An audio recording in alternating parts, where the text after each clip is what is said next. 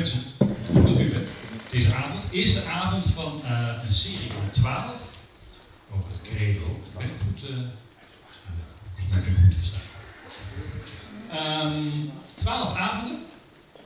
En dit is de eerste. De tweede is over twee weken. Dan gaat het over uh, Jezus. Dus we volgen een beetje de lijst. Ik zal het eventjes, eventjes laten zien. Kijk, dit is een in totaal. Geloofsbeleidnis van Nicea. Het is een hele lap tekst. Deze van Wikipedia. Um, en het gearseerde gedeelte is hetgene wat wij vandaag gaan behandelen. Wat vandaag centraal staat. Ik geloof in één God. Oh. Dat hoort nog niet. Ik geloof in één God, de Almachtige Vader, schepper van hemel en aarde, van al wat zichtbaar en onzichtbaar is. Um, we houden het een beetje interactief, dus als je dingen niet snapt, of als je zegt van goh, kun je dat wat beter uitleggen, dan steek je je vinger op. Of als je zegt van nou, ik, reageer even van ik denk daar heel anders over, kan dat. Verwacht niet dat wij uh, uh, het probleem van kwaad en het probleem van Gods almacht, dat we dat vanavond eventjes gaan oplossen in een uur.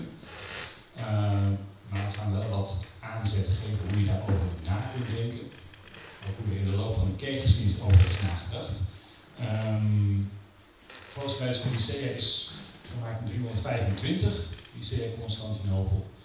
Dus veel van de bronnen die we gaan aanhalen zal ook uit die tijd komen. Daar gaan we over nadenken vanavond. Zullen wij eerst uh, beginnen met een gebed?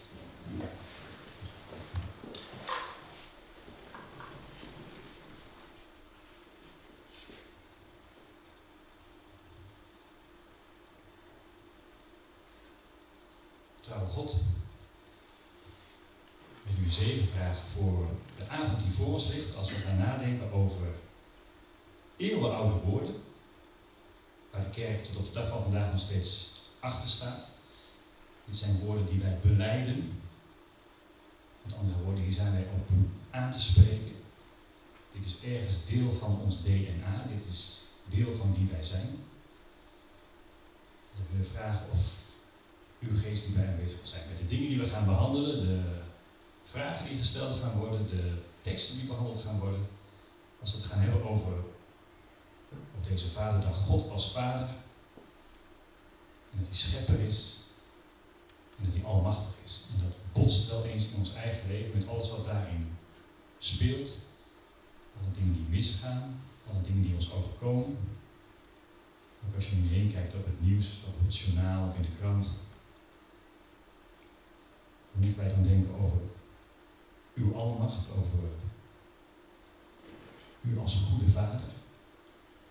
Wijst u ons de weg, Heer. God, niet dat wij het snappen, niet dat wij gaan denken dat wij u zijn, op wat voor vlak dan ook.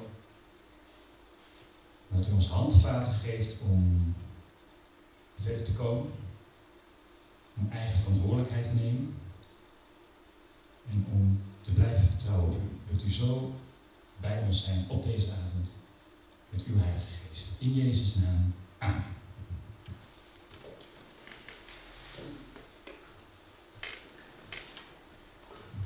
Ik zei het al, het gearseerde gedeelte, daar gaan we vandaag over hebben. Uh, ik geloof in één God, de Almachtige Vader, schepper van hemel en aarde, van al wat zichtbaar en onzichtbaar is. En dan maken we even een klein uitstapje, daar gaan we ook nog naar, uh, even kijken, vijf regels daaronder. Want als het gaat over scheppen, dan komt daar nog een andere regel bij, geboren, niet geschapen. Het gaat over Jezus, één in wezen met de Vader en door wie alles geschapen is.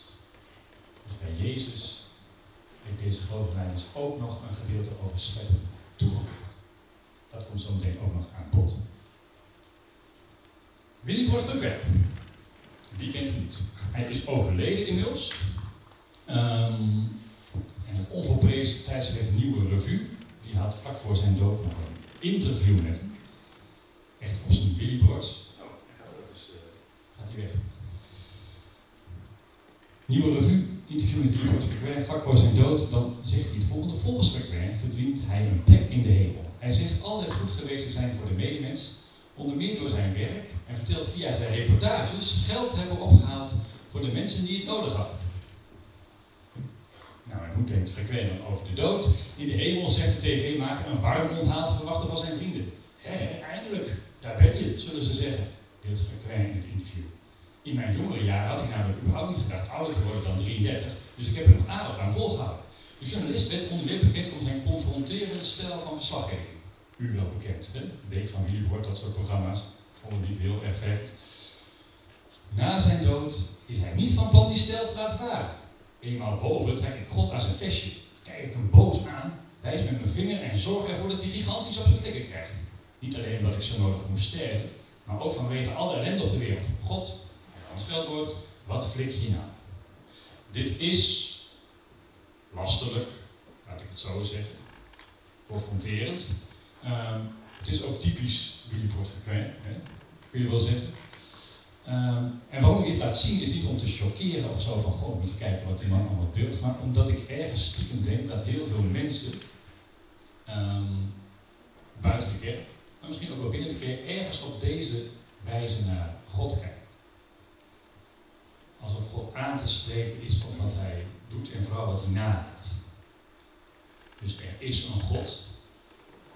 Nou, je kunt ook niet zo makkelijk bewijzen dat dat niet zo is, maar er is een God. Maar als er een God is, dan gaan er wel heel veel dingen verkeerd. En Willy Bort die zal het allemaal wel even rechtbreiden in dit artikel. Deze vraag die Willy Bort uh, stelt, en hoe je om moet gaan met God, en als er een God is, waarom hij dan misschien zo op zijn beloop laat. Deze vraag moet u even goed onthouden, want die gaan we later uh, op terugkomen. Dan gaan we die vraag proberen te beantwoorden. En wat flik je nou, zegt Willy Bort. Wij zullen het iets subtieler, iets eleganter aanhouden. Maar er zit iets in dit gesprek wat raakt. Wat raakt aan hoe mensen buiten de kerk, maar ook binnen de kerk, naar God en naar zijn almacht kijken.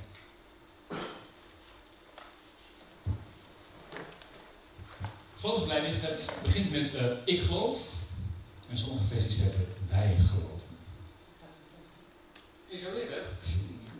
Heeft een eigen willen. Zeg het eens. Welke moet het zijn? Wat heeft de voorkeur bij? Wij. Wij. Waarom wij?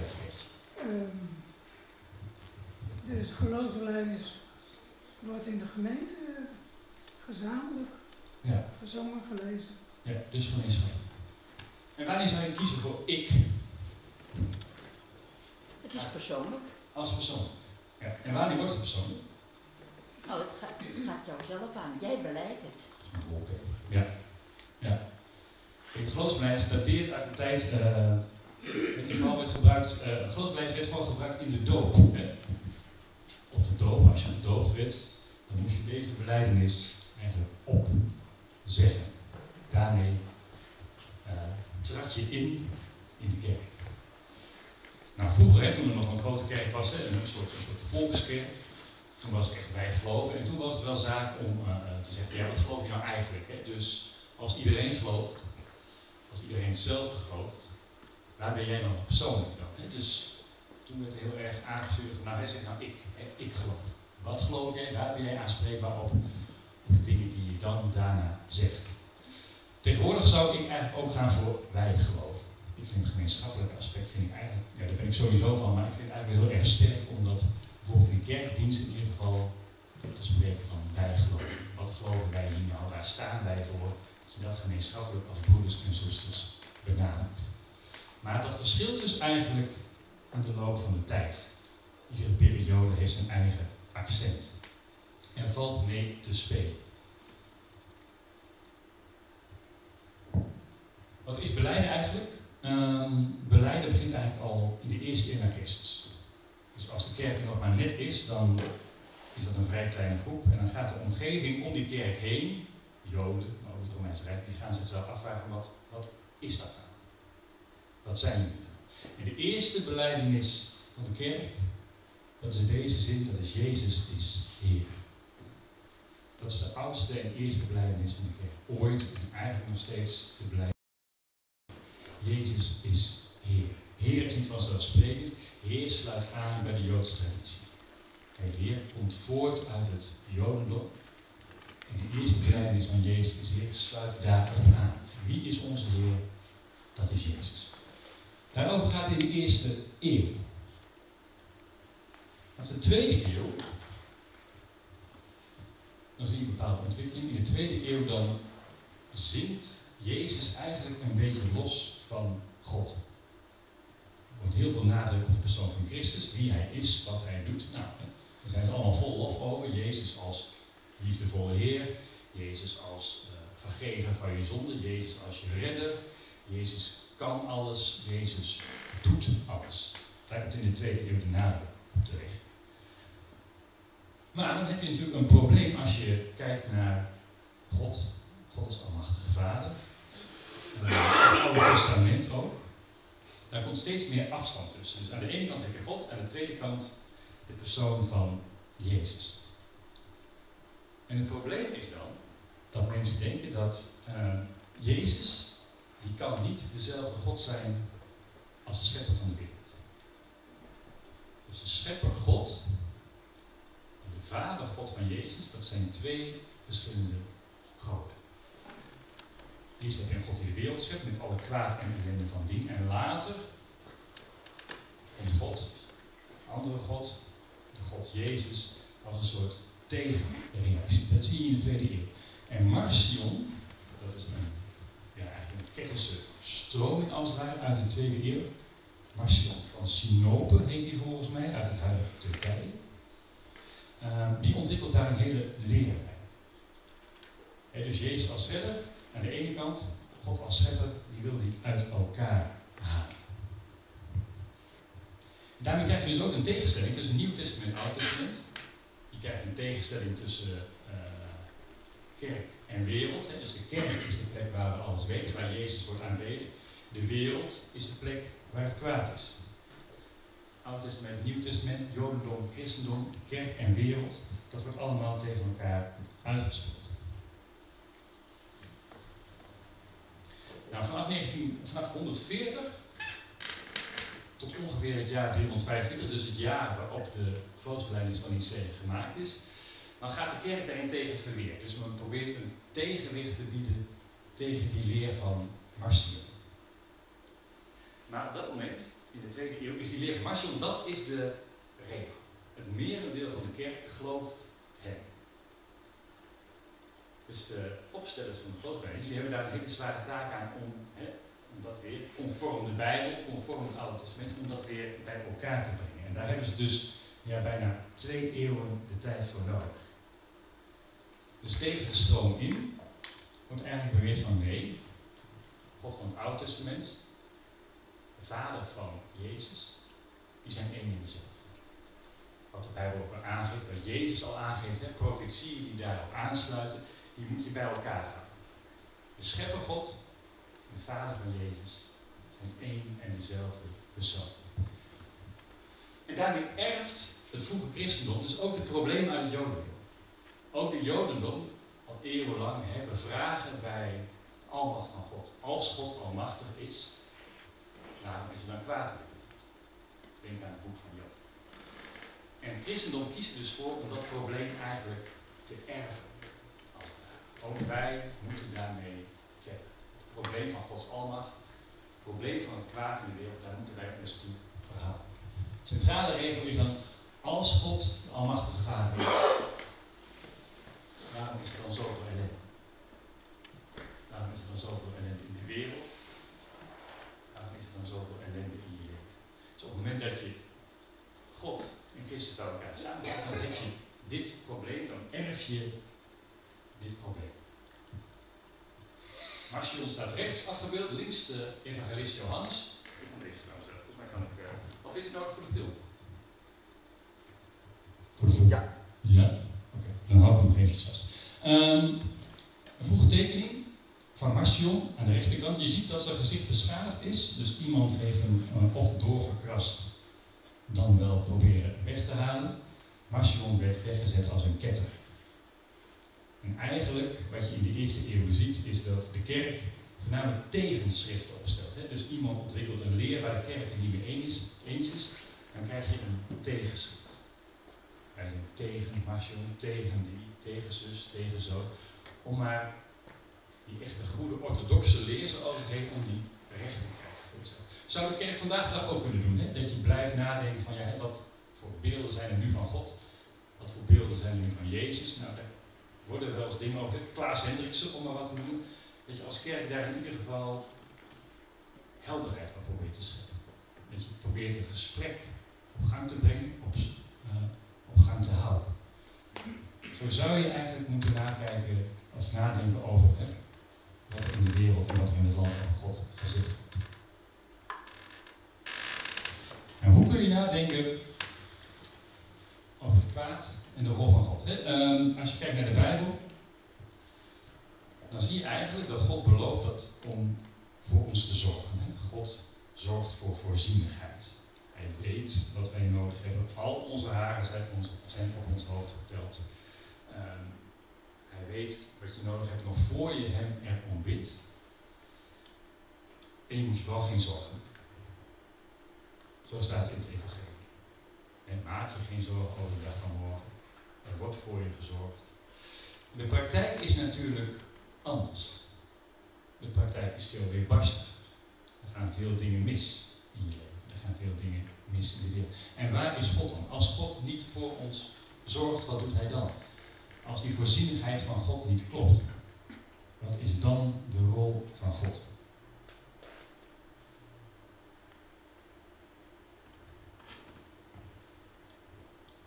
in de vroege kerk, in de vroege theologie, wordt daarom gesproken van, uh, daar wordt een tweedeling in gemaakt. Er wordt een tweedeling gemaakt als het gaat over kwaad. Malen heet het. Malen is Latijn voor kwaad. En aan de ene kant heb je de malen morale, de kwade moraal.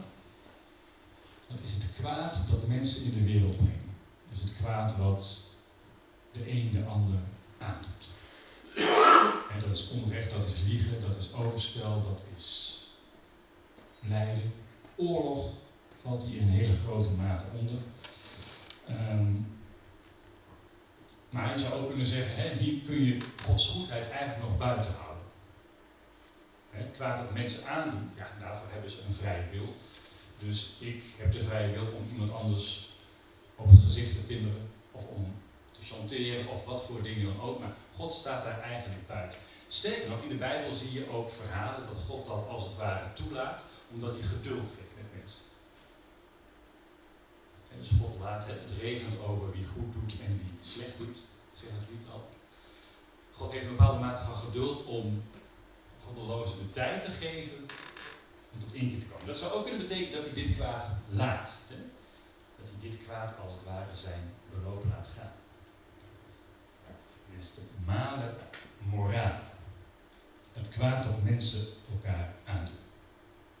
En zoals ik al zei, Gods almacht kun je hier een beetje buiten houden. Dat kan niet bij de volgende. Dat is de tweede. Dat is de male natura. Het natuurlijk kwaad. Dat zijn ziekten, hongersnood, tsunamis, etc. Goed voorbeeld altijd, um, de tsunami op de tweede kerstdag. Dus tweede kerstdag, hè, waarom? Hè? Als er een God is, waarom straft hij dan zoveel mensen? Straffen, daar heb je de term al. Waarom straft hij dan zoveel mensen met een tsunami waar niemand wat aan kan doen? Waar ook altijd heel veel onschuldigen het slachtoffer van zijn. Um, je had volgens mij een aardbeving in Lissabon. Jaren terug, dan praten we over begin 1900 zoveel. Dat was ook op een soort heilige feestdag, een kerkelijke feestdag. Nou, katholieken, uh, Portugees, braaf katholiek die allemaal naar de kerk geloofden, gigantisch in God. Wat hen dit overkwam, honderden, duizenden doden, daar werden vraagtekens bij gesteld. Telkens als dit gebeurt, hongersnood, droogte, overstroming, aardbevingen, dan kun je vraagtekens zetten bij de almacht van God. En ziekte valt hier natuurlijk ook aan. Maarten het hart, de schrijver, gelovig opgevoed, uh, is stuk gelopen op het geloof omdat zijn moeder keelkanker kreeg. Hij heeft er boeken over voorgeschreven.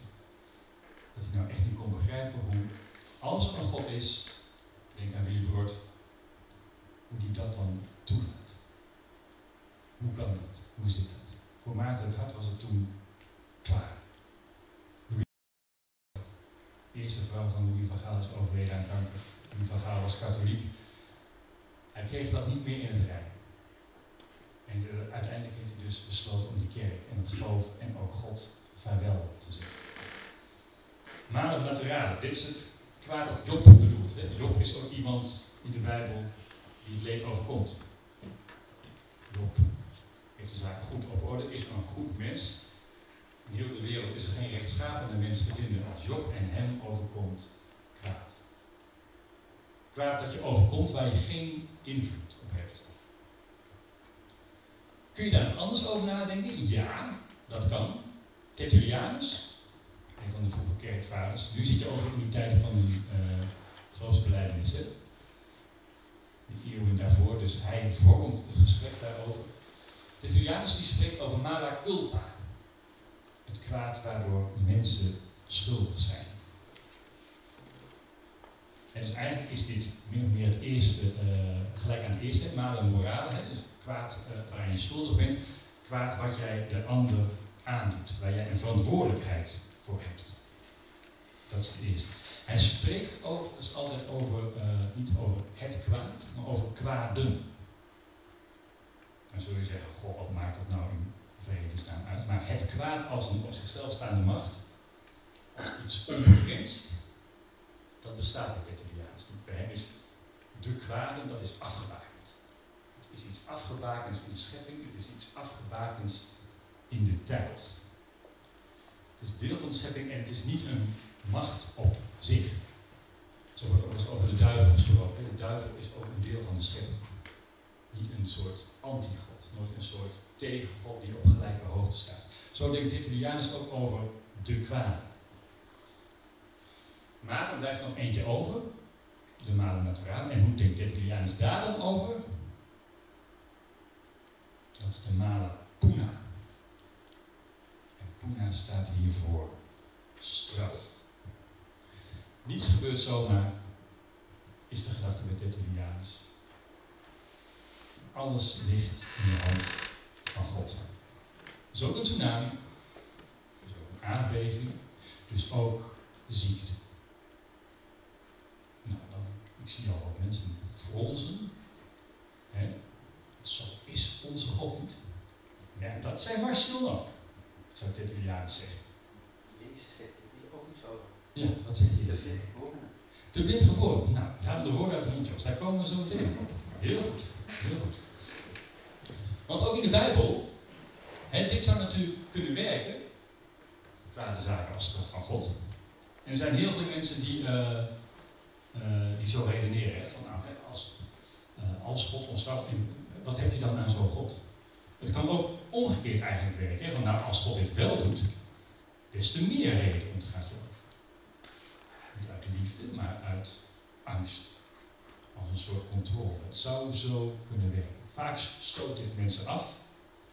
Dat zie ik aan uw gezichten. Maar als dit klopt, als het ook maar een grijntje waar is, dan heeft dat natuurlijk consequenties. Wat interessant om daarover na te denken. Maar in de Bijbel, Jos zei het al, zijn natuurlijk ook voorbeelden zat van mensen die geen kwaad doen en die toch. Inderdaad, Jos, het verhaal van de blindgeborene, Jezus en de blindgeborene. Die leerlingen staan dan omheen als een soort studieobject. Nou, wat, heeft deze man gedaan? Is, hij nou blind geboren doordat zijn ouders zondig waren of was hij dat zelf? Nou, blind geboren, ja. Daar wordt de ziekte echt als straf gezien. Als God hem daarvoor straft, waarvoor dan? Dat is de vraag die daar het spel staat. Bij Job geldt dit trouwens ook. Hè? Dus Job is natuurlijk een heel goed voorbeeld van iemand die in Gods ogen een goed leven leidt en die toch gestraft wordt. Kwade zaken als straf van God, dat is een wijze waarop je erover na kunt denken. Nou, is het goed om te weten dat straf, wij denken uh, bij straf heel vaak aan iets individueels. Hè? Oh, God straft mij. Er overkomt mij iets. God moet mij hebben. God heeft mij op het oog. Straf in de Bijbel heel vaak uh, collectief. God straft een volk. Dat klinkt wat uh, gek, maar als je denkt aan de tien geboden. God bezoekt de ongerechtigheid van de vaders aan de kinderen. Tot aan de derde en vierde generatie van hen die mij haten. Tien geboden. Daar zit het al in, hè? Dus dat God um, straffen uitdeelt. Niet aan de mensen zelf, maar als voor iets wat ver daarvoor door je voorvader is gedaan. God straft collectief, God straft familiair, God straft gemeenschap. Agap, de koning, die gaat Baal vereren en het volk wordt gestraft. David laat een volkstelling doen, mag hij niet, mag je dat niet doen van God. God straft het hele volk met een epidemie. Maar wij redeneren niet zo. Wij redeneren straf en schuld eigenlijk heel individueel. Wat zou er nou, wie, wie, um, wie hecht daar waarde? Wie gelooft dit? Twee op de. Je moet wat duidelijker in je vraag formuleren. Waar, waar moet ik ja of nee Of God collectief straft? Nou, lees het Oude Testament. Ja. Nou, bijna elke bladzijde. Dus dat is niet leuk, dan zal ik dat ook wel doen. Hoe zou je dat nu doen? Zie je daar nu voorbeelden van? Ja, goed, goed. Nu en ander. Dus. Dat is altijd lastig, hè? Dus we geloven het wel, maar wat zou het kunnen zijn? Maar het is terugkijkend altijd makkelijker als vooruit. Nou ja, uh, kun je terugkijken? Ze zeggen wel dat het Romeinse Rijk ten onder is gegaan aan decadentie. En dus als een straf van God? Daar is nogal wat over te doen geweest uh, met het boek van Augustinus, geloof ik. Ja, ja. Maar kun je het ook naar 2022 gaan? Nee, dat is veel te vers. Ja? Kijk niet. Kun je naar de 20e eeuw gaan? Maar ik durf het best te beweren dat bijvoorbeeld volken die altijd verschrikkelijk anti-Joods zijn geweest, of Joden heel verkeerd hebben behandeld, dat die behoorlijk gestraft zijn. Je mag het niet helemaal zwart op wit zetten, maar het is wel Gods voor. Kun je een voorbeeld noemen, Hans?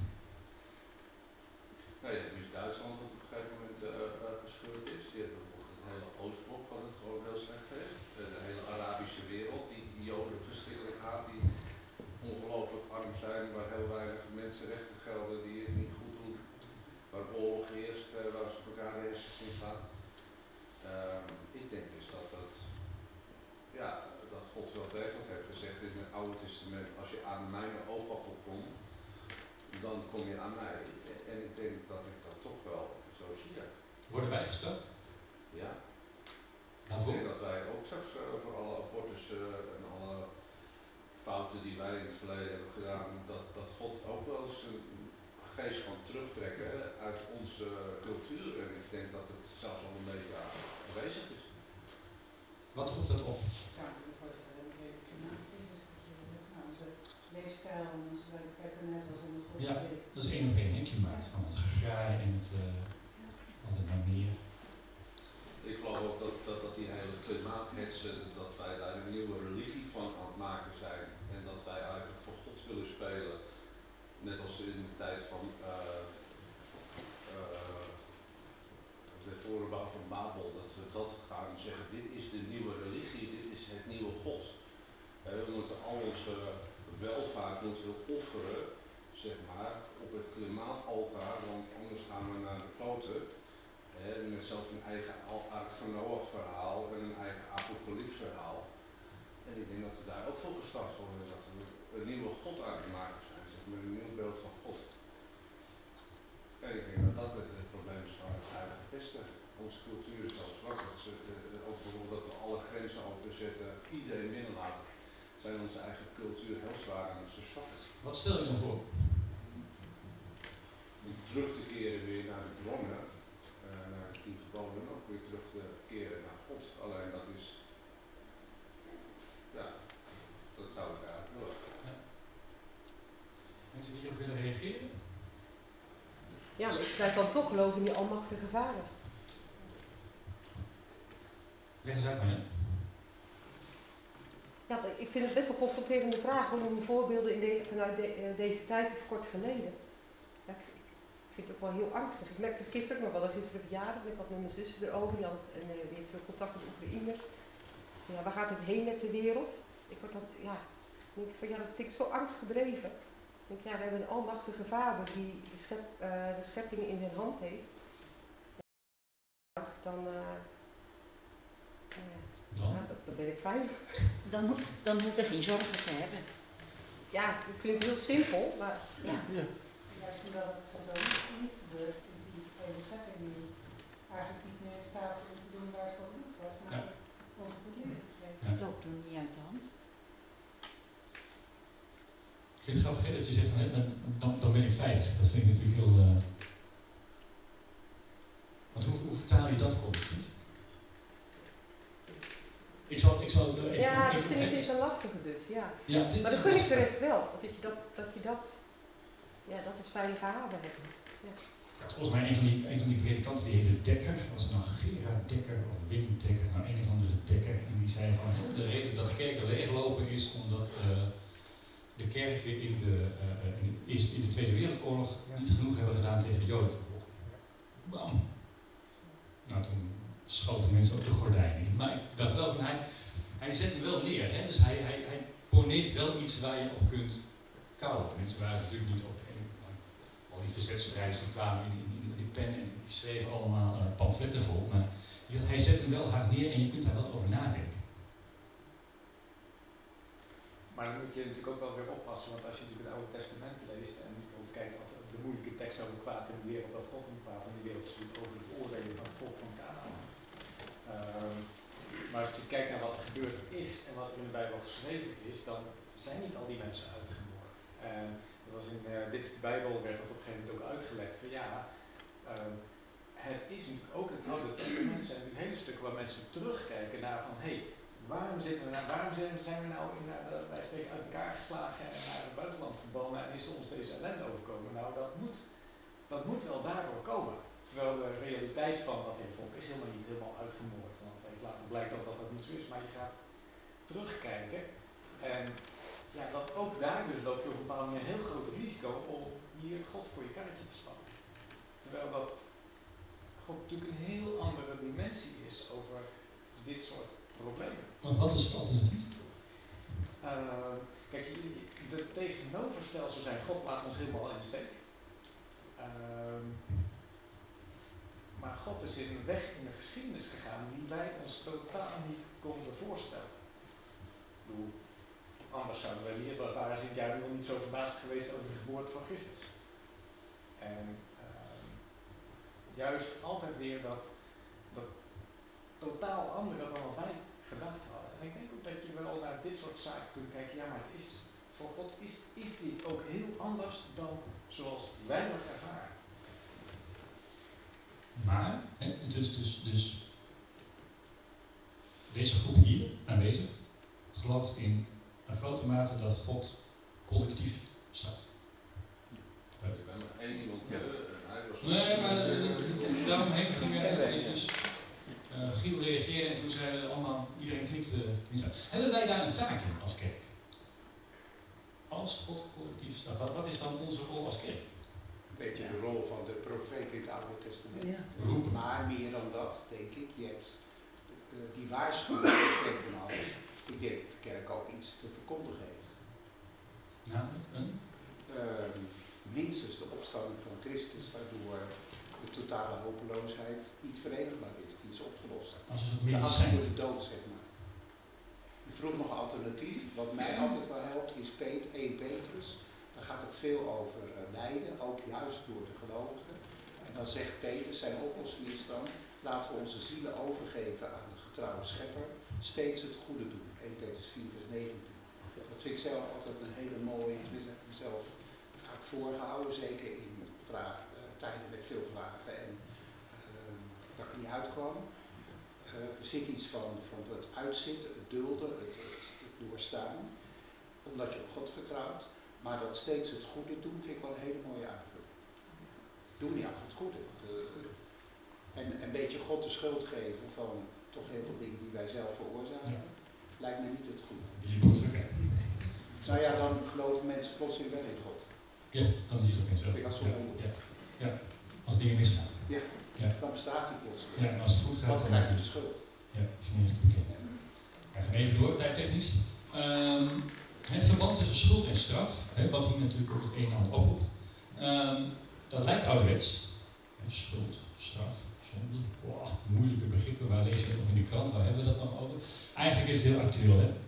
Taki, Marengo-proces, nou, niet moet. Hè? Als, als iemand heel lang moet vastzitten, vinden wij als Nederlanders, dan is het takken.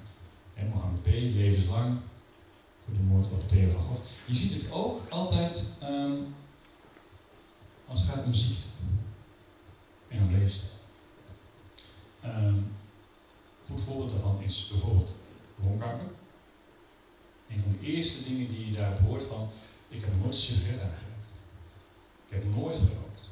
Of als iemand dat wel doet, dan denk ik, ja, hij rookt ook wel pak per dag. Dus er zit een soort oorzaak-gevolg in. Hè? Omdat je dit doet, gebeurt dat. En als, dat, als die oorzaak-gevolg niet is, dan dan. Ja, hoe kom je dan? Wat ik heel vaak hoor bij uh, uh, begrafenissen, hij was zo actief. Hij sportte nog vier keer in de week. Dus, dus dat je dat als het ware een beetje kunt controleren. Ziekte, leefstijl, wordt ook vaak in verband gebracht met eigen schuld en iets minder als maar je hebt dus invloed op je eigen lichaam, hoewel het natuurlijk ook niet in alle gevallen geldt. Snap je? Ja. Maar, maar wordt dat niet tegenwoordig heel erg in de hand gewerkt? Want je moet dit doen, je moet dat doen in, uh, om, om gezond te blijven. Ja, ja. een smoothie. Ja. Bijvoorbeeld. Ja, maakt niet uit, gezond eten, gez uh, sport. sport. Niet geen alcohol drinken, niet roken, uh, noem maar op. En waar komt dat vandaan? ja, omdat er ziektes zijn en sommige he hebben dan een oorzaak, wat je dan zei, van roken met je longen en... maar ook ik ken ook iemand die is 95 geworden heeft, altijd heel veel gerookt. Want hij rookt vlees. Ja, ja. Er zit iets maakbaars in, hè? Of in ieder geval datgene wat je kunt doen, doe dat. Ja, maar het geeft geen garantie dat je dan... Uh... Vreselijk angst voor toeval. Ja. Waar zie je dat bijvoorbeeld? Nou, dat, dat als je toeval niet wilt accepteren, waarom jouw broer bij wijze van spreken uh, doodgaat op zijn veertigste. En jij zelf gezond doorleeft, terwijl je zelf de genen hebt. En, en er is geen enkele andere oorzaak aan te wijzen dan, hij heeft gewoon pech gehad. Hij heeft gewoon pech gehad. En om dat te kunnen verkroppen, dat is lastig. heel erg lastig als je geen God hebt. Ja. ja. Mensen die daarop reageren, mensen die dat herkennen. zijn eigen leven. het klopt, hè? dus inderdaad het, omgaan met het onverwachte, het omgaan met dat het leven niet maakbaar is, dat zie je heel erg in deze tijd. En dan zie je eigenlijk dat wij altijd zoeken naar oorzaak. Er gebeurt iets, stap er de het. Oorlog in Oekraïne, wat hebben wij gedaan met Poetin? wat deed ze in Oekraïne? Hè? Wat, wat heeft die Zelensky iets verkeerds gedaan? Zitten daar inderdaad neonazies? Is daar een extreemrechtse partij? Doordenken gaat beginnen. Um, klimaatverandering ook. Omdat Bolsonaro in Brazilië al die bossen laat kappen. Rechtse populist. Zitten wij in opwarming van de aarde en af en toe een overstroomd rioolputten. Bij wijze van spreken. Er wordt telkens gezocht naar de oorzaak. Terwijl je in de Bijbel vaak juist de omgekeerde beweging ziet. Dan zie je dat God altijd redeneert naar consequenties. Dus gedrag heeft consequenties. Misschien bedoelde je dat ook wel hè, als God terugkijkt. Hè? Dus terugkijkend van um, waarom zijn ons slechte dingen overkomen? Nou, dat waren consequenties van verkeerd gedrag. Een heel goed voorbeeld daarvan, ik lees het even voor, is uit Amos, profeet Amos. Ook hier kom je weer op het profiteren, wat er wel degelijk een rol in speelt. In Amos 4 dan uh, spreekt de profeet namens God. En dan zegt hij, waarom stellen jullie de vraag dat ik iets zou moeten doen? Ik heb al zoveel gedaan, zegt God. Ik was het die jullie in elke stad honger liet lijden en maakte dat er geen enkel dorp brood was. Maar jullie zijn niet naar mij teruggekeerd, spreekt de Heer. Ik was het die jullie de regels onthield drie maanden voor de oogst. Maar jullie zijn niet naar mij teruggekeerd, spreekt. Ik trof jullie met koren, brand en meeldag, sprinkhanen, vraat, je tuinen en wijgaarden kaal en alle vijgen en olijven, maar jullie zijn niet naar mij teruggekeerd, spreekt de Heer. Ik stuurde de pest op jullie af, zoals ik die ooit op Egypte afstuurde. ik dood je soldaten en je buitengemaakte paarden, zodat jullie de, de stank van je eigen leger kan roken. zijn niet naar mij teruggekeerd, spreekt de Heer. Ik vernietig jullie zoals ik Sodom en Gomorra vernietigd heb. Jullie werden als een stuk zwart geblakerd hout dat uit de vlammen is weggerukt. Maar jullie zijn niet naar mij teruggekeerd, spreekt de Heer. Daarom zal ik tegen je optreden, Israël. Maak je gereed voor de komst van je God, Israël. Want ik ben het die tegen jou zal optreden. Dat zijn nog zijn woorden. dus de profeet trekt hier consequenties. Het volk doet het ene. En daarop moet God wel straffen. Daarop moet God wel consequenties trekken. Zo overkomen je nare consequenties door dingen die je zelf doet. Daar kun je wat van vinden, maar het is ook een beetje het, de basis van ons rechtssysteem. Als iemand over de scheef gaat, op wat voor vlak dan ook, dan moet er iets of iemand zijn die dat corrigeert. Zoals een takkie. Als hij Peter de Vries laat vermoorden of Dirk Wiesen, dan moet daar tegen worden opgetreden. Dat begrip moet je ook overeind houden. Kwaad moet worden bestraft, anders krijg je onrecht en chaos. Dus er moeten gevolgen zijn voor je daden. En wij redeneren dus vaak andersom. Wat is daarvan de oorzaak? Overkomt ons iets? Hoe kan dat? Hoe kan ik ziek worden? Hoe kan het klimaat zo op staan? Die tsunami, hoe is dat mogelijk? Waar komt de oorlog in Oekraïne vandaan? En heel veel mensen geven daarvoor dus ook God schuld. Waar is God op dat moment? Waarom grijpt God niet in?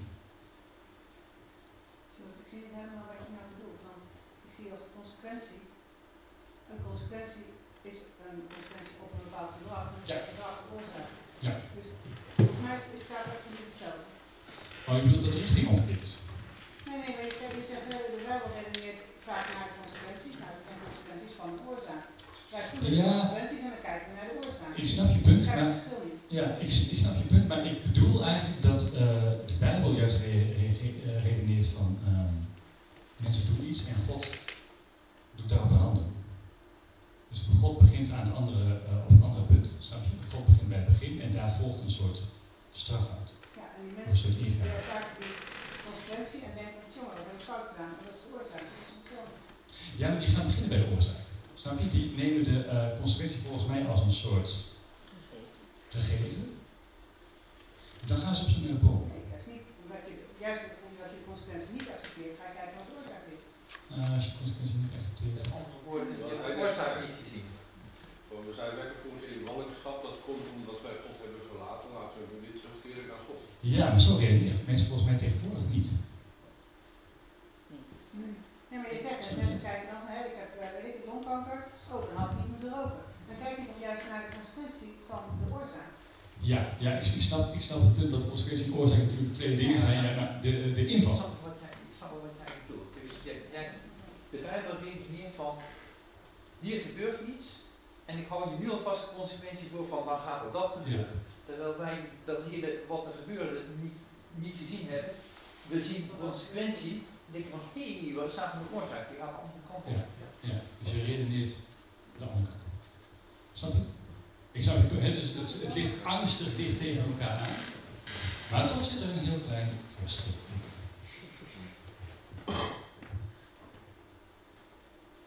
En God is niet de gevangene van zijn eigen systeem. Vergelding is geen vaste wet. Waar God zich aan moet houden. Als mensen verkeerd doen, dan hoeft hij niet per se te straffen. Hij is niet de gevangene van zijn eigen systeem, hij is niet de gevangene van zijn eigen wet. Dat leert de Bijbel ook. Dat zien we met name in het Bijbelboek van Job. Job, de bent geboren, God hanteert ook altijd eigen regels. Het is geen automatisme dat als iemand iets verkeerd doet, dat hij dan ook gestraft wordt. Of als iemand iets niet verkeerd doet, dat hij dan automatisch zegen. God is altijd vrij om te beslissen wat hij wil. Dat maakt het zo lastig. En dat is ook het met toeval, die willekeur. Dat kun je natuurlijk ook op God betrekken.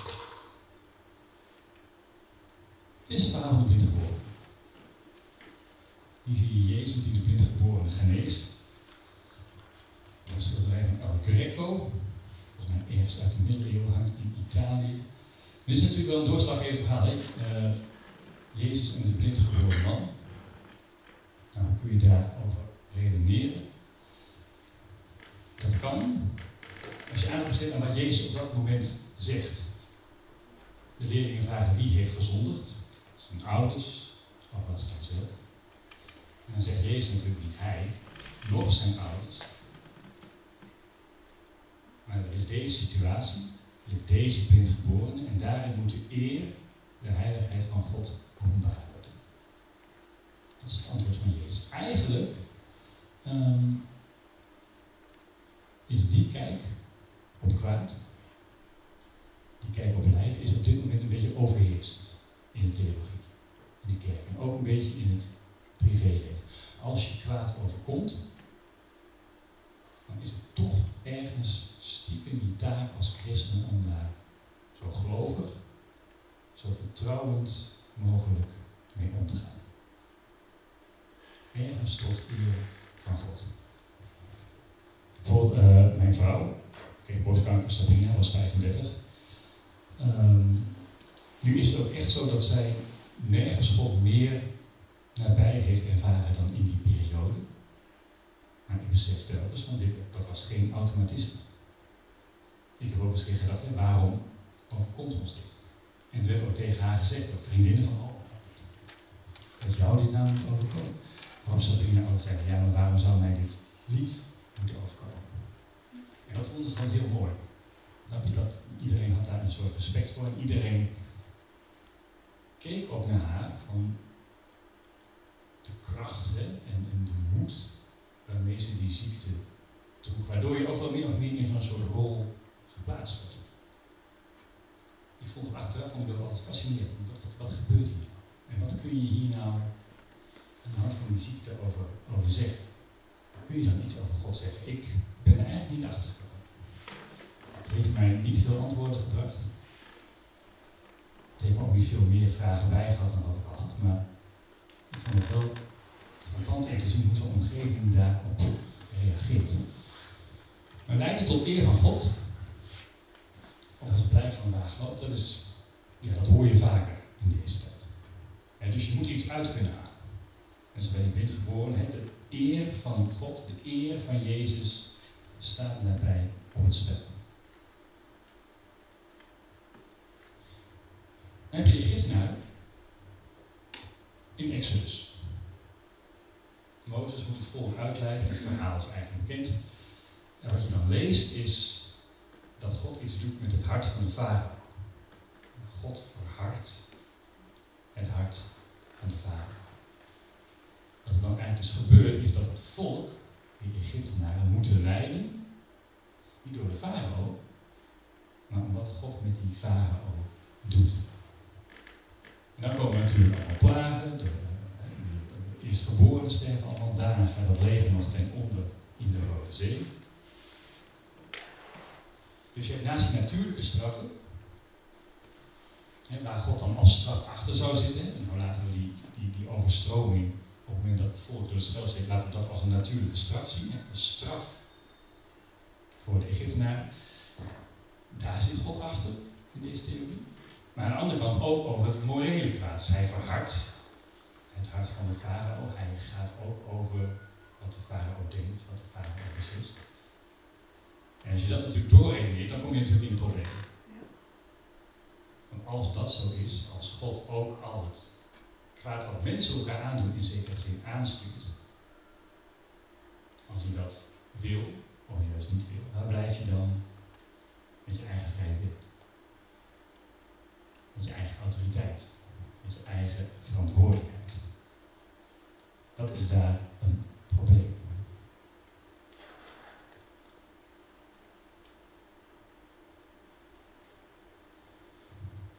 Hoe je daarover na kunt denken, over eigen verantwoordelijkheid, wat je wel kunt doen, wat je niet kunt doen, daar heeft Thomas van Aquino over nagedacht. Dan zit je alweer vele eeuwen verder, bijna duizend jaar.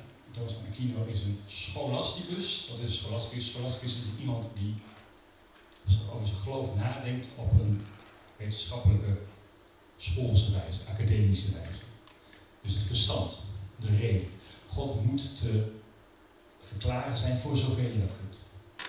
Blijft altijd de compleet andere, maar wat je kunt weten over hem, wat je kunt beseffen over hem, wat je kunt redeneren over hem, dat moet je doen.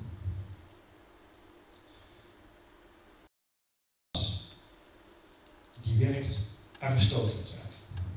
Aristoteles heeft het al in de, bij de oude Grieken over oorzaak en gevolg. En hij heeft het dan over eerste en tweede oorzaak. Eerste oorzaak is alles heeft een begin.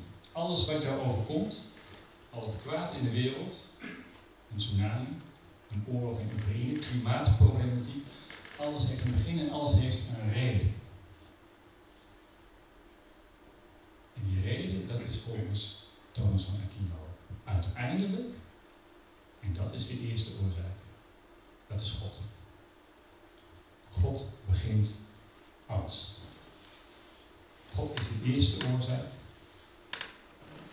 En al het andere is daar een gevolg van. Het kwaad wat jou dus overkomt, heeft ergens een begin. Niet dat het van God afkomstig is, want je kunt dat vaak niet overzien.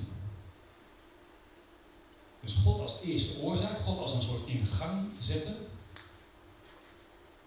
daar begint het mee. En alle volgende oorzaken, dat zijn geen zelfstandige gebeurtenissen, maar deel van een keten. Een keten die ergens een begin heeft, ook al kun je dat begin, of die oorsprong, niet overzien. Dit is ingewikkelde materie. Eerste en tweede oorzaak. Het is wel vrij gangbaar geworden in de kerk over kwaad en over eigen verantwoordelijkheid daarin nadenken.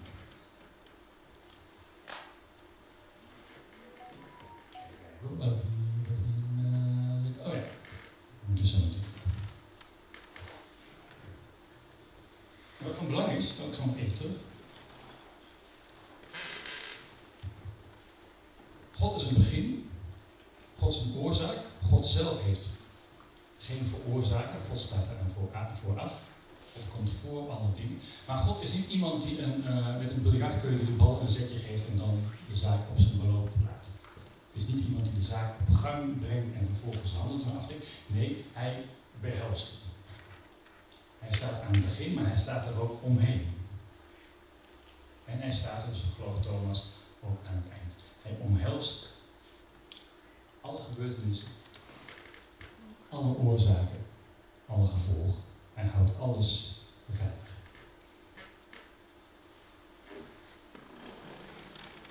En dan kun je dus concluderen, volgens Thomas, dat God niet alleen iemand is die de zaak op gang brengt, uh, maar hij omhelst het, hij staat eromheen, hij omringt het. En dat maakt kwaad dus beperkt. Dat maakt kwaad dus ingebed. Ingebed in wie God is. Dus is kwaad. Thomas van Equinoë, die, die gelooft dat helemaal. Maar die zegt wel dat het eindig is. En dat het geschapen is. En dat het ingebed is in die eerste oorzaak. En die eerste oorzaak is God.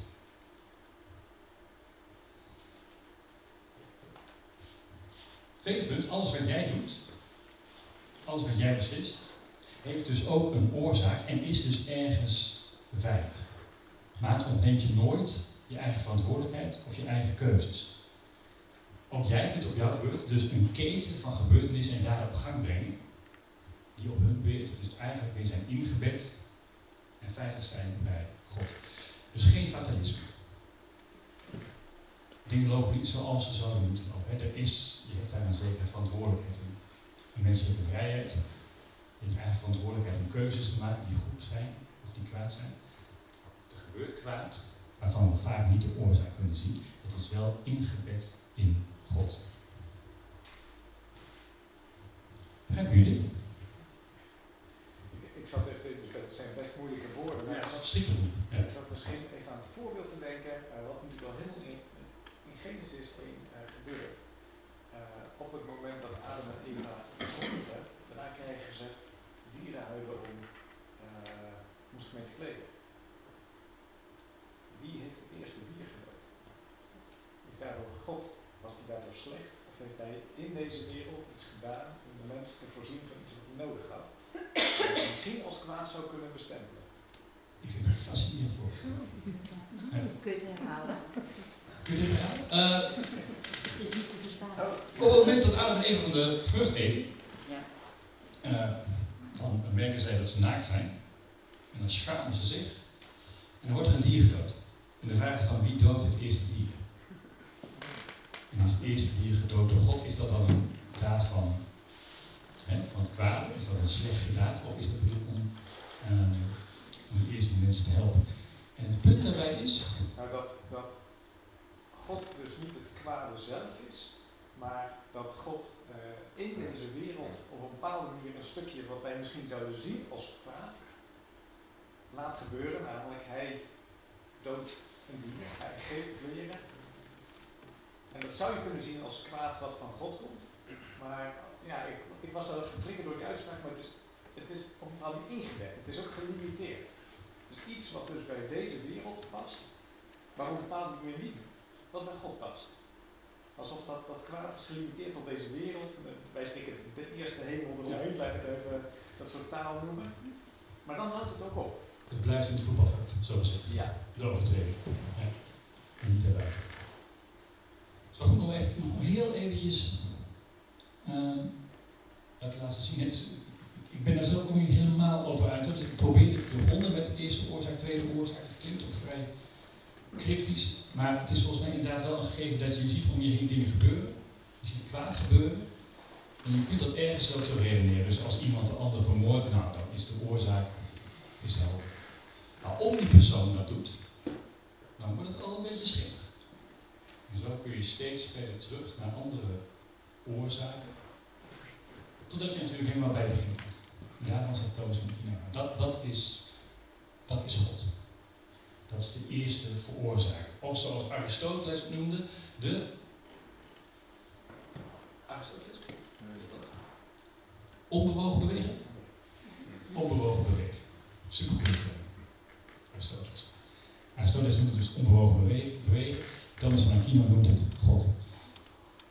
Dat is misschien even goed om te weten. Hè? Dus, dus eerste oorzaak God, tweede oorzaak, hè? De, de, de keten um, van gebeurtenissen, waarbij je soms wel de oorzaak kunt achterhalen en soms niet. Maar ik vind met name het spanningsveld, dus dingen uh, uh, zijn niet fatalistisch. Je hebt nog steeds te maken met oorzaak-gevolg, dus ook voor je eigen daden. Maar je kunt niet in alles de oorzaak of de origine of de kern van het probleem kun je niet altijd achterhalen. Daar moet je ook in schikken. Dat is lastig. Maar je kunt niet de bron van al kwaad altijd achterhalen. En om te voorkomen, dat is dus dat is het grote, ja, hoe leg het uit? Er zit dus een grens tussen fatalisme, hè, van oh ja, die dingen zijn nou eenmaal zoals ze zijn, maar aan de andere kant zit dan je hebt ook eigen keuzes. Je hebt eigen vrijheid. En je hebt eigenlijk ook nog eigen verantwoordelijkheid om dat kwaad in de wereld zo ver mogelijk tegen te gaan. Maar alles omvat met de liefde van God.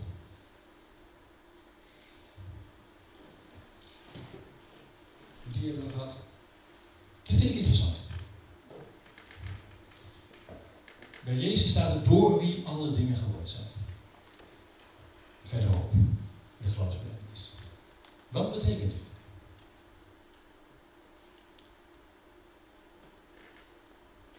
Ik vind het prachtig zin overigens. Zoals ze werkelijk bedoeld zijn. Zoals ze werkelijk bedoeld zijn. Kun je dat uitleggen? dat je, uh, Jezus zet dingen in een ander licht.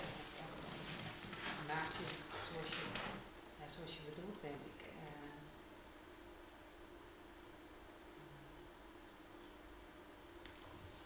Is Jezus dan de grote pleister?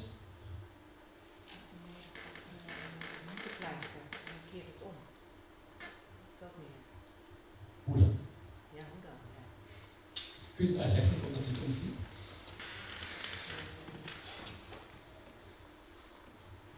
Je kunt, geworden kun je ook vertalen met geschapen, door wie alle dingen geschapen zijn. Dat zijn andere vertalingen, kom je weer op hetzelfde. Gaat het.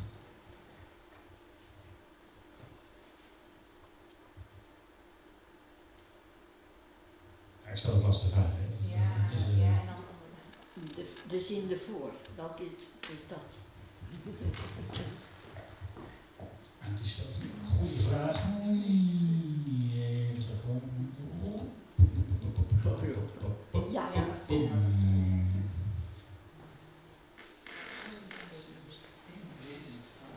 Jezus is schepper, net als de Vader. Ja. Het is één. Schepper. God, Jezus en de Geest, het is één. Hier staat door, Oh door wie alles Johannes geschapen 1 is. is het, hè? Wezen met de Vader en door wie alles geschapen is. Wat houdt het in, Jos? Alles is door hem ontstaan. Hij is de eerste. Hij is de Zoals uh, de huishouden steekt de onbewogen week. En wat houdt dat in? Dat vond ik echt denken. Maar wat, wat houdt het in dat, dat Jezus als de ouder helemaal. Uh, wat, zijn, wat zijn hiervan de consequenties? Jezus is God. Jezus hij, heeft ons gemaakt, heeft alles gemaakt. Punt. Ja. Dat houdt het in. Schepper wil zeggen, de maker van alles. God is de maker. Dus ook van het kwade? Blijkbaar. Is interessant, hè? Ja, dat Blijkbaar. Nou, maar ik denk niet dat de vrome vaderen die deze regel bedacht hebben, dat bedoeld hebben, Jos. Dat Want? gaat niet rijmen met wat ik van die vrome vaderen gelezen heb. Die geloven het helemaal niet. Giel? Die geloven dat uiteindelijk, zoals God het begin is, Jezus en God zijn één. Want dat was het grote punt in 325. Daar ging eh, tegen Arius, hè, dat heb ik nog niet genoemd, maar dat, dat was toch de grote kerkstrijd van niet alleen van dat jaar, hè, maar ik denk wel van die twee eeuwen. Dat Ja, ik kan volgende. Dit was er gewoon eentje. Dus nee, dit gaat volgens mij echt niet over het kwaad. Zo moet je niet lezen. De tekst, de tekst. Nou, dat geloof ik nog niet eens. Ik denk wel dat het een en ander in elkaar overgrijpt. Kijk, wat ik, wat ik denk, wat, hier, wat ik persoonlijk denk wat hier wordt, en wat ik eigenlijk heel erg ehm, mooi vind, dat Jezus niet alleen een afzender is. Dus Jezus is niet alleen, zit niet alleen naast God aan de tekentafel, als een schepper van alles, maar Jezus is ook een beetje de stijl van de schepping. Jezus is het karakter van de schepping. Jos begrijpt denk ik. Nee, verstand je eens een keer. Oh. Nou, wat. ehm, Moet, ik, moet ik het uitleggen? Nee, nou ja, ik, ik zat nog even, ik zat, ik zat eh, heel hard na te denken. Dus ehm, kijk, Jezus is niet tot in het jaar nul uit de lucht komen vallen. Die is er vanaf het begin nog bij geweest. En ehm, het tweede is, in het begin wordt gezegd, een schepping van de geest van God zweefde over de wateren. Eh, een paar weken geleden hoorde ik iemand zeggen, dat, dat wordt met de Heilige Geest bedoeld. Maar volgens mij wordt daar, wordt daar vaker naar gezien dat dat eh, de geest van God, dat dat eerder om Jezus zou gaan dan om de Heilige Geest. De woorden hebben natuurlijk een betekenisverandering gekregen in, in het Oude Testament langzaamaan. Maar Jezus was er al bij het- de schepping van de aarde, is met ons meegegaan, is, is ook, maar, maar had wel een missie die op een gegeven moment in het jaar eh, 30 eh, een heel ander karakter kreeg. Dus Jezus was erbij toen de wereld geschapen werd. Jezus was erbij toen wij, hoe wij in de- deze wereld, hoe alles geworden is, hoe dingen zich ontwikkeld hebben, hoe het kwaad zich ontwikkeld heeft, ook hoe dat beschreven is. Eh, ja, dus hij was erbij. Is, dat- is, is dat mijn punt? Want ik zeg dus eigenlijk dat, dat, dat God en Jezus eh, de wereld hebben geschapen met, met dit als het ware als een soort blauwdruk. Dus lijden. Dus sterven. Dus vergeving. Dus dood.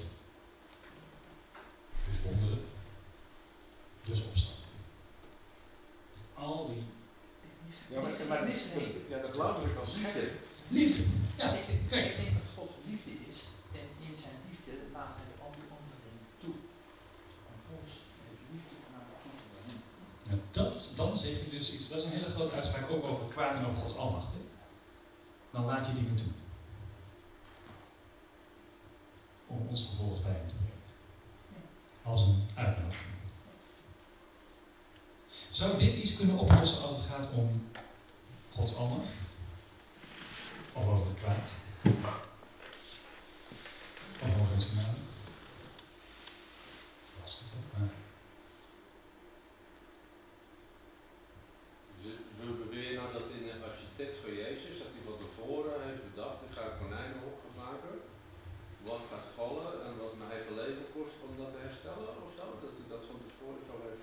Dat is theologisch een hele oude leer. ja. Supralapsis. Ja. ja. En dus niet dat God denkt, shit, wat doen ze nou beneden? Oh, ik moet een plan B bedenken. Ja.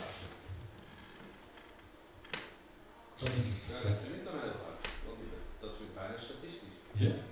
Kijk, als ik een konijnenhok ga maken, waarvan ik weet dat het gaat het leven van mijn zoon kosten om die uh, konijnen te redden die ik nu ga maken, want ik weet dat het misgaat. Dat, dat, ja, dat is voor mij niet te rijden. Wel dat ik zeg van, ik, ik, ik hou zoveel van mijn schepping dat ik daar alles over heb, uiteindelijk ook mijn eigen zoon. Maar niet dat ik dat van tevoren... Is dat niet een semantisch taalspelletje? Nee. Hoe je het noemt? Want je zegt statistisch, hè? Maar goed, hey, je, kunt, je zou ook kunnen zeggen van, hè, welke vader laat zijn zoon inderdaad, wat er ook gebeurd is, hè? wat wij geloven. Nee, maar het is, het toch, de wereld was goed geschapen en uh, de mens had de keuze om te zondigen of niet. Dus het is niet dat Holland ook dat gaat instorten. Uh, anders zou de schuld helemaal buiten onszelf niet zeggen als we hadden moeten zondigen. Was God verrast dat het misschien? Dat is misschien wat anders. Maar als ik een hummel opbouw, dan kan dat inderdaad ook gewoon instorten. Al is er een baksteen van. Of omdat mijn zoon dat ding een keer in een wilde bui in elkaar schot. Nee, goed. Kijk, God wilde geen robots.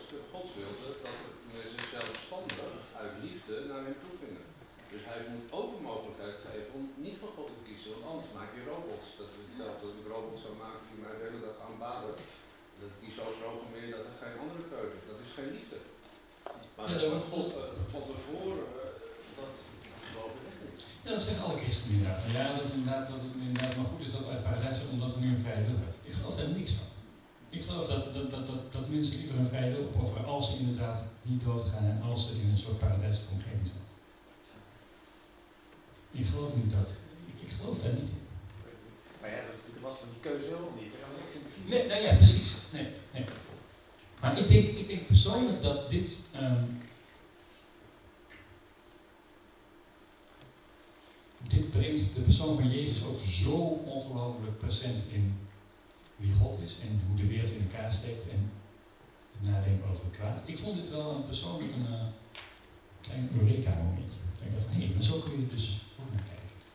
Dus het gehaven, het geschonden, het, het, het lijden, het kwaad, dat, dat dat niet iets is waarvan God zegt van, oh, hoe kan dit nou gebeuren? En God zit met de handen in het haar. Nee, het, het, is, het, is, het is de weg die hij gaat. Kan het ook niet zijn dat uh, uh, God heeft de mens goed geschapen, maar met een eigen wil. Dus hij kan kwaad doen. Dat, maar dat wel dat hij van tevoren geweten heeft van uh, mens met een eigen wil, of met een vrije wil, dat, dat kan niet goed gaan. Want dan waren, uh, waren het ook goden geweest. Ik dus durf dus zelfs de bewering aan dat God weet dat wij verkeerd kiezen. Dat God weet dat wij kwaad doen. En toch houdt hij van ons. Ja, dat is. En toch zal hij alles opofferen, namelijk zichzelf, om ons te redden. Want zo heeft hij ons niet bedoeld. In origine. Ja. Maar als je, op, als je weer op dat punt terugkomt. Wat Jezus natuurlijk ook doet. Toch nu wel een soort uh, gedachtenis. Uh, nee? Maar is het mij dat wij, omdat we natuurlijk geen God zijn, niet weten hoe hij denkt en wat hij wil en wat hij niet wil. En wij kunnen er allerlei redeneringen voor bedenken die voor ons prettig klinken, of ja, niet prettig klinken, maar acceptabel uh, zijn in, in de, nou ja, wetenschappelijke manier van denken. En dan vinden wij het goede antwoord. Maar ja, eerlijk gezegd denk ik, ik vind ze allemaal even krachtig en het zal mij eigenlijk een worst. Ja, ik snap, ik snap je punt en misschien heb je gelijk. Maar ik denk en ik vind dat je altijd ten volle moet nadenken over wat kwaad inhoudt. En over wat kwaad doet. Maar wij weten toch pas van het kwaad sinds dat we van die vrucht gegeten hebben. Daarvoor ja. wisten we ook niet van goed en kwaad. Nou, ja, nee, precies, in die zin heeft het ons ook wel wat gebracht. Hè? Dat klinkt natuurlijk heel gek. Nou, wat zeg je nou? Maar ja. God zegt over, ja, maar nu hebben ze kennis van goed en kwaad. Nou moeten we even die andere boom hè, van het, het eeuwig leven, die moeten we eventjes, die staat er nog. En wij werden de wijn ingestuurd, zo gezegd, maar misschien ook meteen omdat wij wisten van. Maar ik vind toch dat je, juist als kind, dat je over dit soort vragen na moet blijven denken. Als je zegt van ja, ik, ik weet niet, God heeft zijn eigen ik denk juist dat in die menswording van Jezus, dat, dat, dat, dat God ook aangeeft van ja, maar hij is te Ik heb iemand erover nagedacht uiteraard, maar... Uh, Als je eruit komt. Ja, je, je blijft een redenering naast een andere houden en voor de een voelt bij de een wat beter en de ander wat minder. Ja, of het overtuigender, of in deze tijd overtuigender. En of eerder ja. kijken er anders tegenaan, ja, dat zie je ook. Ja. Uh, maar wat je uiteindelijk dat met zo'n ja, theorie moet, vind ik vrij uh, marginaal. Want hè, de volgende keer is een andere ook goed. En uiteindelijk uh, staan ze naast elkaar, want wij hebben die kennis niet. Omdat God er tegenaan kijkt en hoe de paard nou precies wel niet in de wereld is gekomen. het is er en daar moeten we iets mee, maar het waarom het er is, maakt het niet anders voor mij. Het is er en daar moet je iets mee. Maar zou ik mensen kunnen helpen? Kennelijk. Ja, maar ook heel veel mensen niet. En heel veel mensen die juist, door juist van het geloof... Fijne kant op achteraan. Ja. ja, dat klopt. Ja, als je meer er een punt van maakt, dan meer discussie oplevert.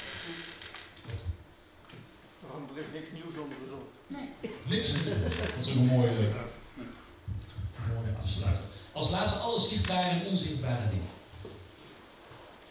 En nu zien wij dingen, de materiële wereld om ons heen, hè, dat is menselijk. En onzichtbare zaken, liefde, haat, um, genade, dat soort zaken, dat proberen wij ook in de vingers te krijgen. Dat zijn eigenlijk een beetje uh, menselijke processen. Hè. Dat zit in je brein. Hè. Je bent je brein, van die dokter Schwab. Uh, eh, DNA, hè, wordt je gegeven.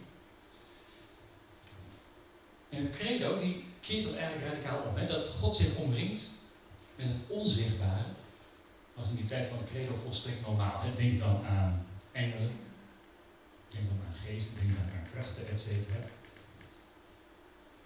Maar hier verbindt God zich ook aan het zichtbaar. Aan het materieel. Dat was volstrekt nieuw in die tijd. Hij schept je lijf. Hij schept je eten. Hij schept je drinken. Hij schept je haar. Hij schept je kleding. Hij schept je auto. Hij schept je huis. Ook daaraan verbindt hij zich. Wereldmeiding Boeddha's hè, met gesloten ogen. Daar doet deze God niks aan. Hè. Het materiële, alle zichtbare en onzichtbare dingen, alles hoort erbij. Alles hoort bij de scheppingskracht van God, alles hoort bij de almacht van God, alles hoort bij de God die ze daar kennen als vader. Daarvan kun je genieten. Ergens zit dat ook in het credo besloten, hè? ook in deze dingen. Alle zichtbare en onzichtbare dingen. Hij heeft alles geschapen, hij is van alles de oorzaak, hij is van alles het begin. En juist als er lijden is, als er kwaad is, dan is dat des te meer reden om daarvan te. Dat is het zichtbare en onzichtbare wat daarbij hoort. Kwart over acht. Als wij teruggaan naar die eerste vraag. En terug naar het begin. Hier begonnen we mee. Wat moeten wij hiermee?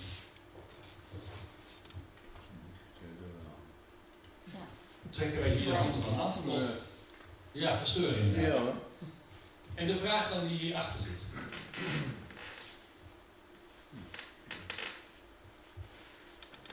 Is het, onze, is het onze taak als kerk of als gelovigen om hier, als, als iemand naar jou toe komt, en dit zul je ongetwijfeld een keer hebben meegemaakt, we hebben ons God besteld, we misschien zo Iedereen die hier zit, heeft waarschijnlijk die vraag eens gehad. De Bijbel heeft een duidelijke uitspraak over. Het is de scherf die tegen de pottenbakker zegt, wat maak je me nou? Dat is de Bijbelse manier om erover te denken Ja. Ik denk dat dat voor nu nog steeds zo geldt. Alleen het ligt misschien de autonome westerse mens van nu wat minder. Ja. Maar dan zit hij wel uh, nou, aan het verkeerde kantje van de geschiedenis. En wat zeg je daar precies mee met die, met die Dat je je plek moet weten als schepsel. Dus mond houden. Dus je mag heel veel denken. Je mag eindeloos denken en kritisch en weet ik het wat. Echt eruit komen. Job, één keer hebben we gesproken, doet geen twee. Ja. Hand op de mond. Ja, kreeg geen antwoord. Nee. Het draait ook wel eens onder. Van nou, God heeft heel duidelijk tegen ons verteld hoe wij, hij wil dat wij leven. Niet doden, niet stelen, niet jaloers zijn, niet zorgen voor anderen. Nou, laten wij dat dan eerst eens gaan doen. En als wij dat allemaal doen, vind ik dat we recht hebben om tegen God te zeggen, uh, dan hij het houden. Maar laten wij eerst maar dat gaan doen. Ja. Hebben wij dat ooit? Hebben wij dat gericht ooit? Ja, misschien wel. De Joden in ieder geval wel. Die hebben als een verbond, eh, ik zal jullie God zijn als jullie, uh, als jullie mij aan mijn geboden houden. Dus als je dus als Jood zegt, nou ik heb er niks aan mijn geboden te houden, dan vind ik eigenlijk ook dat je ons moet zorgen. Ik vind dat het bij ons begint. God heeft heel duidelijk onze wetten gegeven hoe wij moeten leven. Nou, ik denk als wij al die wetten zouden houden, hè, wat niet gebeurt, dan denk ik dat we al die ellende, nou 70, 80, 90 procent zou uh, ons dat bespaard blijven. Ja, maar dan zou de Heer Jezus ook niet nodig zijn. Jawel. 24 procent alweer. Dan je niet Nou, spreek dan maar verder thuis.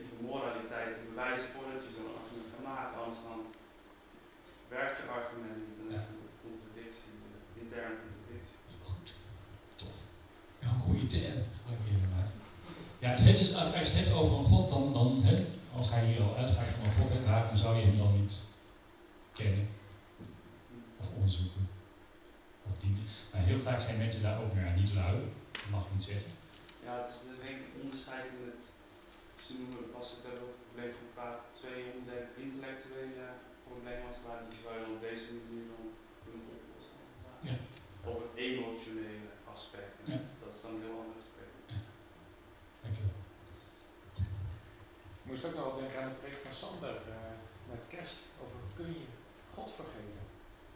Ja.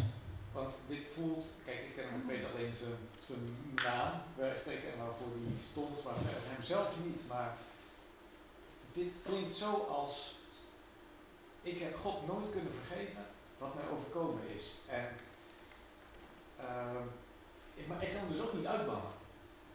Want die God die is er, er is hij mee opgevoed.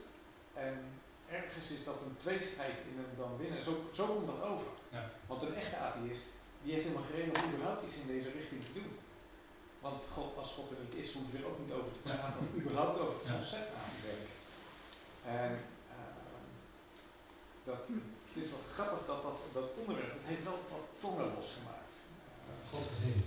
Kun je God vergeven? En, uh, ook met mijn vrouw discussies over, ja, maar kun je dat ook als christen dat nou zo zeggen? Nee, dat kun je toch niet zeggen en dat niet op in een andere facet.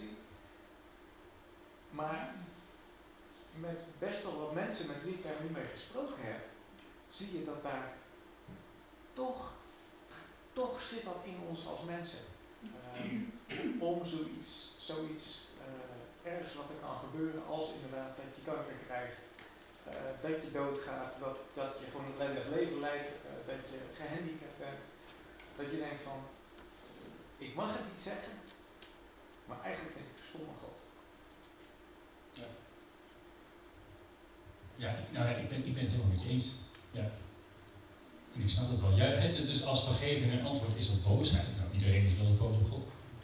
Job ook. Job is natuurlijk een schoolvoorbeeld van. Job die gaat helemaal tekeer zeggen, ho eventjes. ehm, wat mij hier overkomt, dat weet, dat dat spoort niet. En dan klaagt hij God aan met een beroep op God. dus hij doet een beroep op God in zijn aandacht tegen God. En dan is het, het prachtige, het Bijbelboek Job is het mooiste boek uit de hele Bijbel. Ehm, hij krijgt geen antwoord, hè? dus God die, die, die, die, houdt een soort monoloog van wie denk jij wel niet dat je bent, want ik heb toch geschapen dit en dit en dit. En waar was jij toen ik de wereld schiep en waar was jij toen ik de sterren schiep?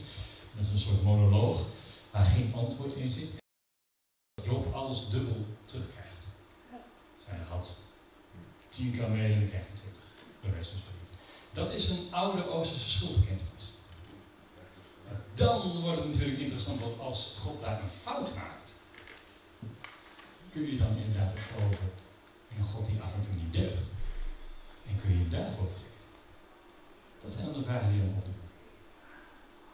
Ik zeg alles wordt dubbel terugbetaald, behalve kinderen. Hè. De kinderen van Job weten niets. Kinderen zijn onvervangbaar, in die zin. Dus kamelen, slaven, bezitten nu wel, kinderen. Dat vind ik zo mooi aan het boek van Job, en dat het heel veel vragen oproept, hè, en heel veel vragen leert die wij ook hebben. Boosheid naar God, voel ik naar God? Wat, wat flik je me nou? Heel veel mensen kennen dat, heel veel mensen hier zullen dat ook herkennen. Dan kun je dan inderdaad, en dat is ook iets wat ik pastoraal zie, hè, dus mensen die ziek zijn of zo, die toch op het eind van zo'n ziekbed die woede dan hebben laten gaan. En zeggen, nou ja, ik snap het niet, maar ik geloof dat het goed is. En daarmee is ook weer als een soort vergeving in het reinen duidelijk Dat gezegd hebben mensen. Hier nog reacties op of een andere vragen? Is het een beetje helder? Is het een beetje te volgen? Redelijk? Wel pittig, hè? Het is ongelooflijk pittig. Is ook gelijk de pittigste hoor. Dus de volgende zal iets minder pittig zijn. Je ziet je natuurlijk gelijk met almacht en met kwaad en je probeert alles in een uur doorheen te van Thomas Kant, van Aristoteles en Willy Botterqueen. Maar het blijft toch, voor, mij blijft het toch goed om over dit soort zaken na te denken. Niet dat je hier een antwoord op krijgt, van oh nou ren ik dit, dit zaaltje uit en nou weet ik alles. Nee, je moet af en toe, zul je toch even de hersens moeten pijnen van hoe kijk ik hier eigenlijk tegenaan? Hoe denk ik over Gods almacht?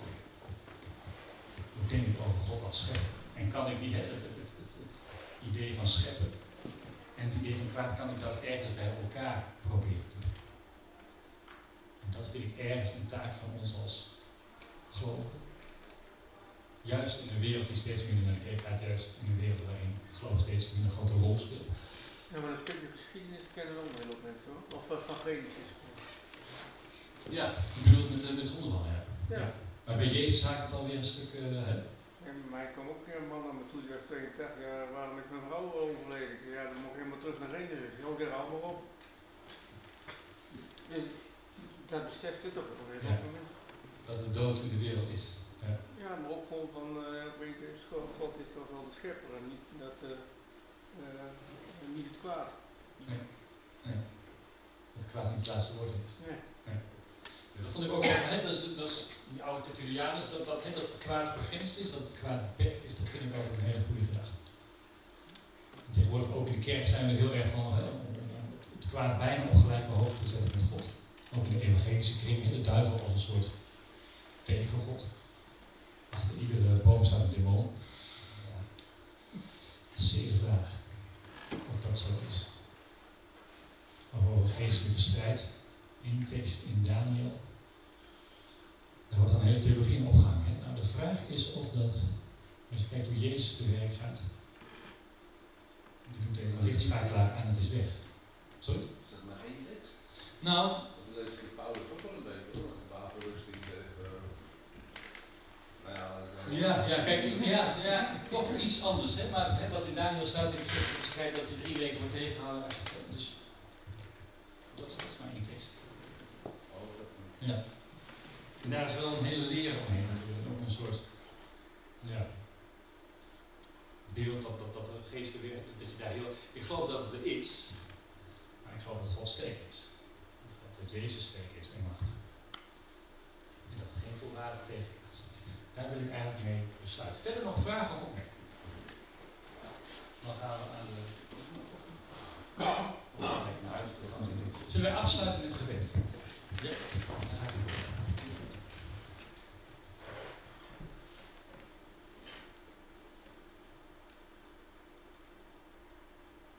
Trouwe God.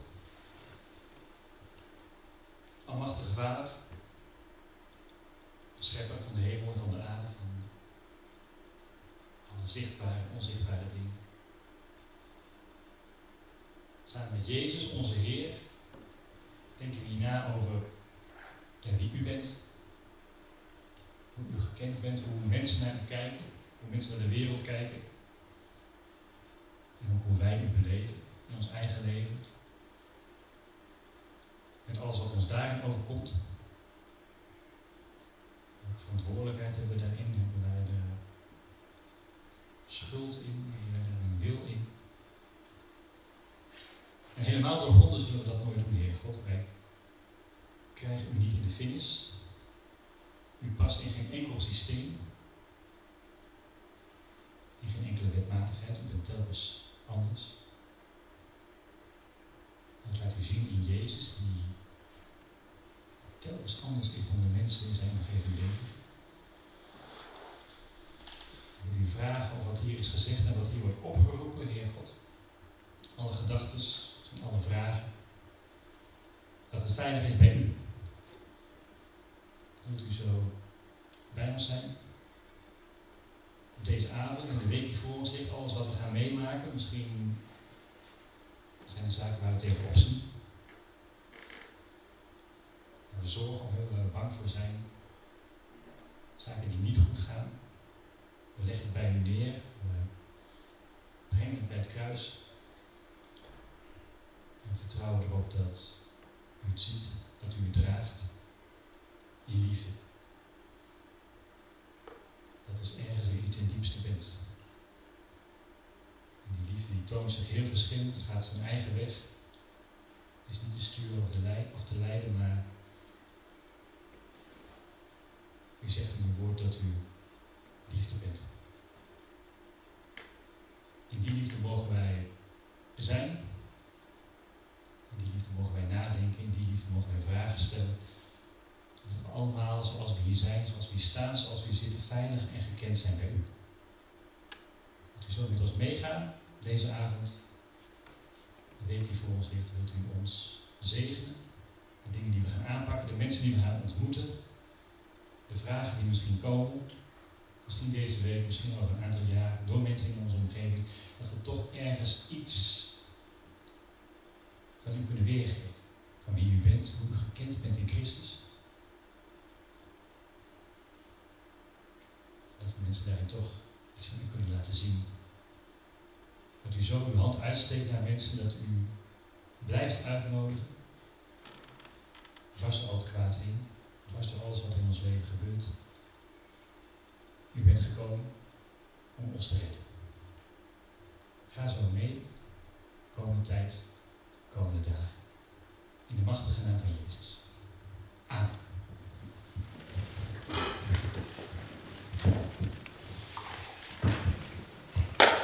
Mensen, dank jullie wel. Uh, ik zei al, er, uh, er hoort een podcastserie bij deze, uh, bij deze avonden. De eerste die staat vanavond online, toch?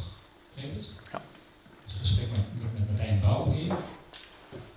Die streept drie dingen in het credo aan die hij van waarde vindt. En daar vertelt hij wat over op persoonlijke wijze. Die staat online uh, op de website. Ja, de Fontein en dan podcast, daar staat hij op. Ja, Fontein podcast, dan zijn die te luisteren. Die blijven bewaard. En zo verschijnt er iedere week een gesprek met een gemeentelid, oud of jong. Dat verschijnt dan op de, op de website. En misschien ook op de app, hè? Of, uh, ja, dat kan. Ja, ook een linkje. Ja. ja. Goed. Dus ik kom de komende weken kom ik bij een paar van u langs. Of voor zolang deze serie duurt, bij heel veel mensen langs. En die gesprekken die zijn dan uh, terug te luisteren op de site. Dank jullie wel voor jullie komst. Hopelijk tot over twee weken. En een heel goede week geweest. En wel thuis. Dank jullie.